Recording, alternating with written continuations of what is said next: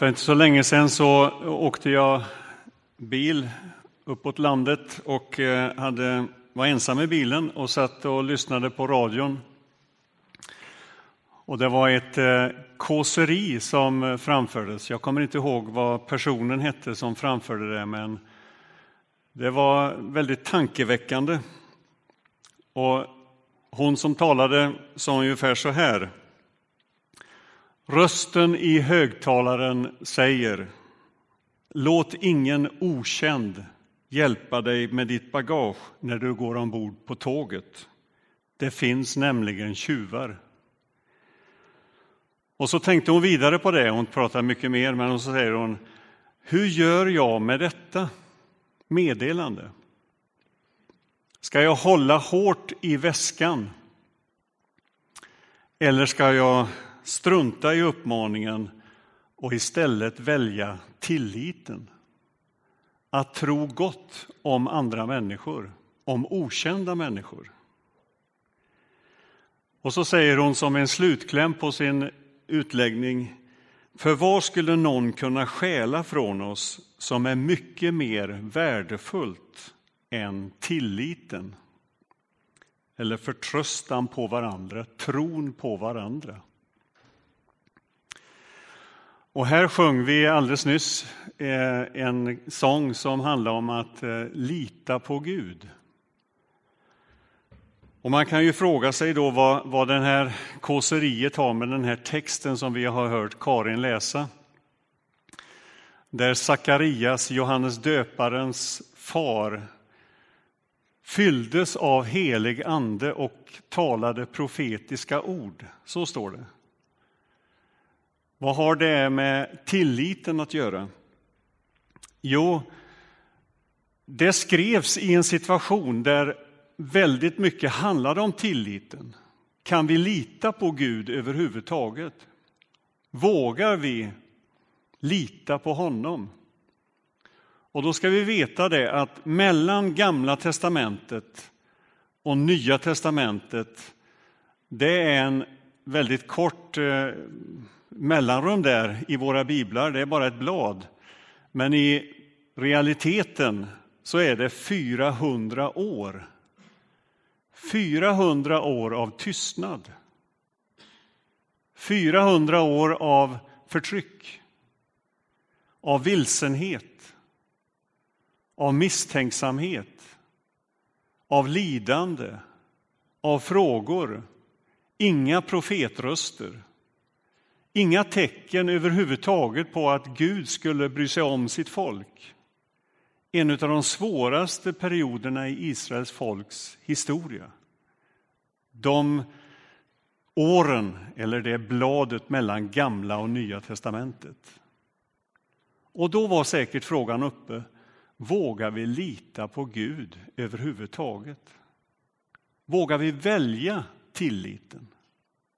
Vågar vi stå kvar i de löften, i de profetior som har uttalats genom hela Gamla testamentet om att Gud ska komma till oss, besöka sitt folk, ge oss frihet. Vågar vi välja tilliten? Desmond Tutu och hans dotter Empo Tutu har skrivit ett par böcker. Den senaste eh, handlar om förlåtelse. De är väl värda att läsa. Så om du vill ha ett bra tips på sommarläsning så, så läs de böckerna. Den första handlar om godheten. Eh, och eh, i den första boken då som handlar om godheten, då ska man veta det att den är alltså skriven i en situation där verkligen detta med tilliten ifrågasattes. Alltså hela den process som Sydafrikas folk gick igenom eh, och som man, när man tillsatte sanningskommissionen, man gjorde upp med sitt förflutna, med alla de fruktansvärda övergrepp och våldsdåd som hade präglat historien. Och man gick igenom det och valde tilliten, valde godheten. Och där i, eh, i den boken så säger Desmond och Empo Tutu så här I grunden är alla goda.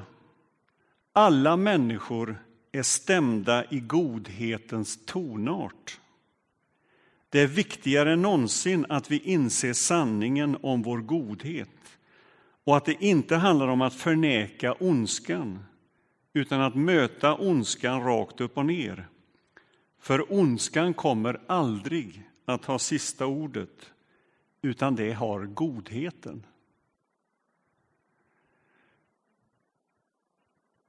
Och rakt in med de orden in i våran text så handlar detta ytterst om godheten. Alltså vågar vi förtrösta på Gud, vågar vi förtrösta på varandra överhuvudtaget? Fokuset idag är Johannes döparen. Denne profet, denne som gick före Herren. Johannes har två söndagar på kyrkåret. Den första är den här, som ju är allmänt den 24 juni. Då ska ni veta det att det är sex månader till jul idag. Nej, inte idag, men 24. Eh, och Johannes föddes sex månader före Jesus. Och ända sedan 300-talet så har den 24 juni varit en, en dag där Johannes döparen firas. Den andra dagen när vi fokuserar på Johannes, det är ju i adventstiden, den tredje advent. Och då står Johannes, uppdrag, Johannes döparens uppdrag i fokus. Idag är det personen Johannes. Vem var han? Vad stod han för? Vad var så speciellt med honom? Och idag så läser vi den här texten om hur Johannes far Sakarias brister ut i en lovsång fylld av helig ande och talar profetiska ord och sätter detta på sin spets som vi har berört. Vågar vi lita på Gud? Vågar vi förtrösta på honom? Har han inte gett upp? Och in i, vårt, i vår text så vill jag stanna inför tre perspektiv som jag tycker kommer fram i den här texten. Det första är det vi skulle kunna kalla för ökenperspektivet. Och det handlar om relationen till oss själva. Som jag sa förut så är det alltså ett mellanrum mellan Gamla och Nya testamentet på fyra år. Den här svåra tiden i Israels folks historia. Och nu ser Sakarias att Herren åter vill besöka sitt folk med frihet och, och, och frälsning. Och var får Johannes sina ord? Var formas Johannes som person? Och var får han sitt uppdrag? Jo, ute i öknen. I det där ogästvänliga, i det där öde, i det där karga landskapet, i det där torra landskapet. Där växer hoppet fram. Johannes utbildning i öknens skola, ja, den var, den var lång och den var tuff. Men det var i den skolan som Johannes präglades av det som utmärker en profet. En profets främsta kännetecken det är lyssnandet. Och lyssnandet formas i tystnaden. Att lära sig konsten att avskärma sig. Att lära sig konsten att ta tid. Att lära sig att koncentrera sig på att höra Herrens ord. Det lärde sig Johannes i öknen. Och för inte så länge sedan så besökte jag det området där man tror att Johannes uppehöll sig. Och där är varmt och där är ogästvänligt och där är kargt och det är inte så hemtrevligt att vara där. Men i den miljön formades Johannes. Och det var där som han lärde sig att höra Herrens ord. Och därför var ju Johannes den första som förstod vem Jesus var när han kom. Och när han ser Jesus komma så pekar han på honom och säger Se Guds lamm Alltså han såg någonting mer än bara en person, en man ifrån Nasaret. Han såg Guds son, Guds lamm som tar bort världens synd. Och Jesus säger om Johannes sen, han är den störste som har levt, av kvinna född. Och det formades i denna ogästvänliga miljö, hans personlighet, hans karaktär. Och därför så är min tanke så här att till dig, du som upplever att det är kargt, det är ogästvänligt, det är tyst. Det är inte alls något läge för Guds tilltal till det yttre. Var stilla där. Var stilla i det som du nu befinner dig i. Var stilla i det som just nu pågår i ditt liv. Som kanske är tufft, som kanske är svårt. Och där säkert, som Johannes en gång upplevde det, ställde frågan vad är det här för tanke med mitt liv, med min framtid? Vad gör jag här, i den här situationen? Men där, i denna miljö, formades Johannes. Det var där som han lärde sig att höra Herrens ord. Det var där som han formades till det som var tänkt. Var stilla i det du nu är och välj tilliten. Välj tilliten. Välj att Gud är med dig i detta, för han är det. Det andra perspektivet i den här texten som vi lyssnade till, det är ett ord som jag inte har kommit ifrån inför den här dagen. Och det förekommer ett par gånger i den här texten och det är ordet barmhärtighet. I den 72 versen så står det Han visar barmhärtighet mot våra fäder. Och i vers 78 Genom vår Guds barmhärtighet och mildhet. Och jag har stavat på det där ordet barmhärtighet. Och det handlar ju om min relation till Gud. Vågar jag lita på honom? Vem är han egentligen? Vågar jag se upp till honom, hämta mitt hopp hos honom? Och då är det ju så här att var du än befinner dig i öknens skola, i öknens ogästvänliga landskap, så är Gud närvarande. Och Sakarias använder det, det här ordet barmhärtighet för att beskriva Guds inställning till oss. Jag vet inte vad du har för bild av Gud. Och jag tror att den bilden som vi har av Gud kan, kan ändras genom tider och år och upplevelser som vi gör. För mig har det varit så. Bilden av Gud har förändrats. Och, och det, det, det är nyttigt att reflektera över det. Vad har jag för bild utav Gud? Hur ser det ut? Är det en sträng bild? Är det en eh, avlägsen bild? Är det någon som är väldigt långt borta, som aldrig ser mig, som aldrig känner mig? En som bara ser mina fel och mina brister? Ja, du själv kan bara beskriva det, hur den bilden ser ut. Här ger oss Sakarias bilden av Gud som barmhärtig. Barmhärtighet, det är ett ord som är översatt från det hebreiska ordet för kärlek. Och betydelsen är ungefär så här, att Guds kärlek eller Guds barmhärtighet är villkorslös. Utan tanke på motprestation. Gud älskar oss fritt och generöst. Och från Guds sida går det en ständig ström av kärlek, av godhet, av barmhärtighet. Vågar vi lita på det?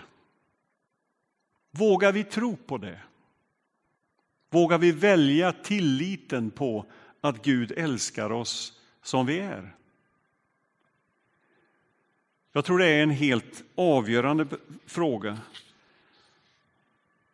Att känna det, att förstå det, att Guds välvilja, Guds ja vilar över mitt liv. Jag vet vilka tankar jag har för dig. Fridens tankar, inte ofärdens. Men nu är det ju så här att om det från Guds sida pågår en ständig ström av Guds kärlek och Guds ja över våra liv, så vet vi att från vår sida, eller från människans, histor människans horisont, så är vår historia fylld av brustna löften. Vi misslyckas, vi brister, vi står inte vid våra löften. Vår kärlek haltar. Vi klarar inte av alla de utmaningar som vi förutsätter oss. Och det gäller relationen till Gud, det gäller i relationen till oss själva och det gäller relationen till andra. Och just därför inbegriper Guds kärlek också barmhärtighet. Och Nya testamentets författare insåg denna oerhört viktiga, detta viktiga tillägg till Guds kärlek, att det också innehåller barmhärtighet. Så när Paulus skriver i sina hälsningar som han gör, och du kan få gärna titta på det, till exempel i Första Timoteusbrevet 1 och 2, så skriver han så här. Nåd barmhärtighet och frid från Gud och Fadern. Och i det andra Timoteusbrevet så säger han precis samma sak. Nåd, barmhärtighet och frid från Gud och Fadern. Och Johannes är inne på, på, precis samma linje i sina brev där han talar om nåd, barmhärtighet Alltså det handlar inte bara om att Gud liksom slätar över allt i våra liv, utan han ser på oss med barmhärtighet. Först kommer nåden och kärleken från Gud. Den är orubblig, orubblig.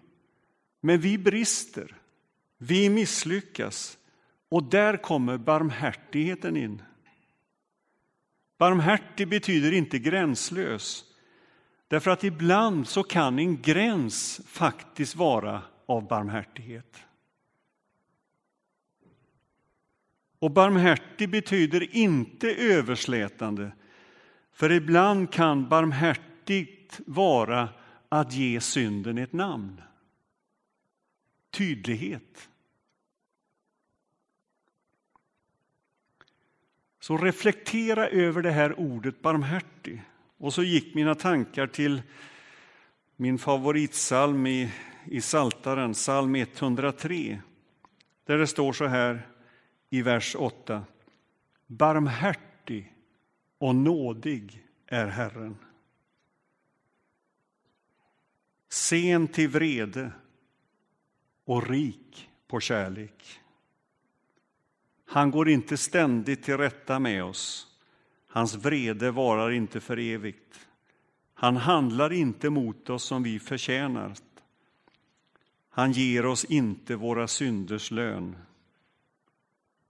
Barmhärtig och nådig är Herren. Så i din relation till Gud, i din bild av Gud, ta in ordet barmhärtighet. Det kommer från barmen, från hjärtat. Från det som ligger oss allra närmast. Och där ligger du, i Guds hjärta. Så nära. Så kärleksfullt, så ömt. Barmhärtighet. Det tredje perspektivet i den här fantastiska lovsången som Sakarias lyfter fram och får profetera om. Det handlar om vad Gud vill med den här världen, med våra relationer, med vår omgivning. Och det kan sammanfattas i orden i vers 79. Han ska komma ner till oss från höjden, en soluppgång för dem som är i mörkret och i dödens skugga. Sakarias lovsång är fylld av hopp. Hopp till en värld som ropar efter en strimma av hopp. Och många gånger så har jag stavat på de orden och bett om orden i konkreta situationer och förbönssammanhang när vi ber Gud kom som en soluppgång för den här människan. Och hur ser en soluppgång ut? Härom natten så var jag uppe. Man gör det när man blir lite äldre. Och det var en sån fantastisk syn som mötte mig mitt i natten med solen som kom över havet och som var alldeles guld, guldfärgad.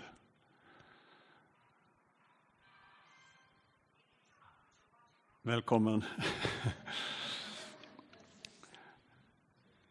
Hur solen liksom stiger upp över havet och hur den bryter igenom, hur den liksom skingrar nattens mörker.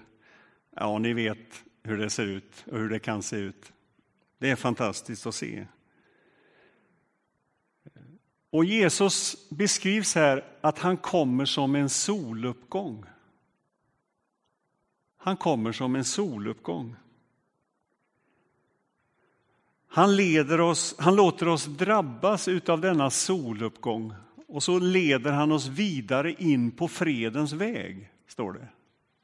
Alltså det stannar inte bara vid åh vad fantastiskt, vad fint, utan soluppgången är tänkt att leda oss in på fredens väg. Det sker någonting med oss.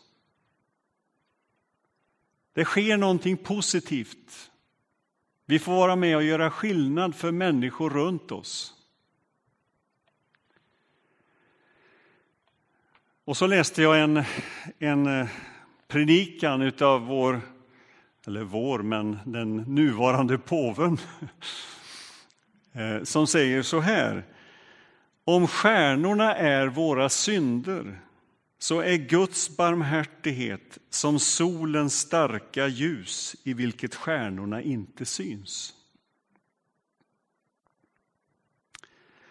Och så kommer liksom soluppgången och skingrar nattens mörker. Stjärnorna försvinner. Ja, de försvinner inte, men dess ljus försvinner. Och så övertar solen. Jesus beskrivs som solen, som det starka ljuset, ljuset som lyser i mörkret. Vågar vi lita på det? Vågar vi välja tilliten i det fallet vad gäller vår värld, hur den nu ser ut? Vågar vi välja hoppet om att Guds rike ska etableras fullt ut? Om att fred och rättvisa ska råda? Vågar vi välja den vägen? Och då får jag säga som kåsören sa, jag väljer tilliten. Jag tror på en Gud som har talat i historien. En Gud som talade genom sina profeter. En Gud som sa att han som är soluppgången ska komma, och han kom. Och jag tror på en Gud som säger att en gång ska världen bli ny. En gång så ska freden upprättas, Guds rike ska bli fullt ut synligt för alla. Och den dagen, den vill jag välja redan nu. Inte bara vänta till, utan jag vill gå in och ställa mig där i detta ljus. i denna soluppgång. Och jag vill låta den soluppgången och det hoppet få prägla mitt liv. Och det här är ett val vi gör, precis som den här kåsören sa, att välja tilliten. Har du gjort det? Har du valt tilliten? Har du valt att lyssna till den rösten? Och som Johannes, som drog sig undan för att verkligen tona in och höra och förstå Herrens ord och Herrens röst. Så ska hans folk få veta att frälsningen är här med förlåtelse för deras synder genom vår Guds barmhärtighet och mildhet. Han ska komma ner till oss från höjden, en soluppgång för dem som är i mörkret och i dödens skugga och styra våra fötter in på fredens väg. Och även om det går kanske med bara med styrfart så vill jag stå där. Och även om vi tycker att vår insats kanske inte är så stor eller mitt bidrag kanske inte är så avgörande så vill jag ändå stå där och låta ljuset, soluppgången drabba mig. Och välja tilliten och välja att följa honom in i den här världen med det här ljuset, med det här hoppet. Och där är Johannes ett föredöme för oss. Så om det bara är två dagar på året som vi fokuserar på Johannes så låt den här dagen få vara en sån här reflektion över en, ett lysande exempel på en som gjorde skillnad. Han var, han var inte så där väldigt fin i kanten när det gällde att förmedla sitt budskap. Han var hård, han var tuff. Men människor tog emot det. Människor omvände sig och människor lät sig förvandlas och lät sig påverkas utav ljuset. Och där är Johannes ett föredöme för oss. Sara sa här i inledningen om förväntan. Och jag vill stryka under det. Att in i den här samlingen som vi nu står i, in i den här gudstjänsten, så kommer Herren till oss med sin nåd, med sin upprättelse, med sin förnyelse, med sin glädje, med sin läkedom. Och det är klart, det är ord som, som kanske inte så där riktigt appellerar till dig som du tycker. Men ta till dig ändå de orden. Gud vill dig gott. Gud vill dig väl och Gud älskar oss där vi finns och i de situationer där vi står i. Och han vill leda oss in på fredens väg. Amen. Tack Gud att du är hoppets Gud och att du leder oss in i din närhet, in i, dina, i din välsignelse. Tack för att du ser oss och känner oss. Amen.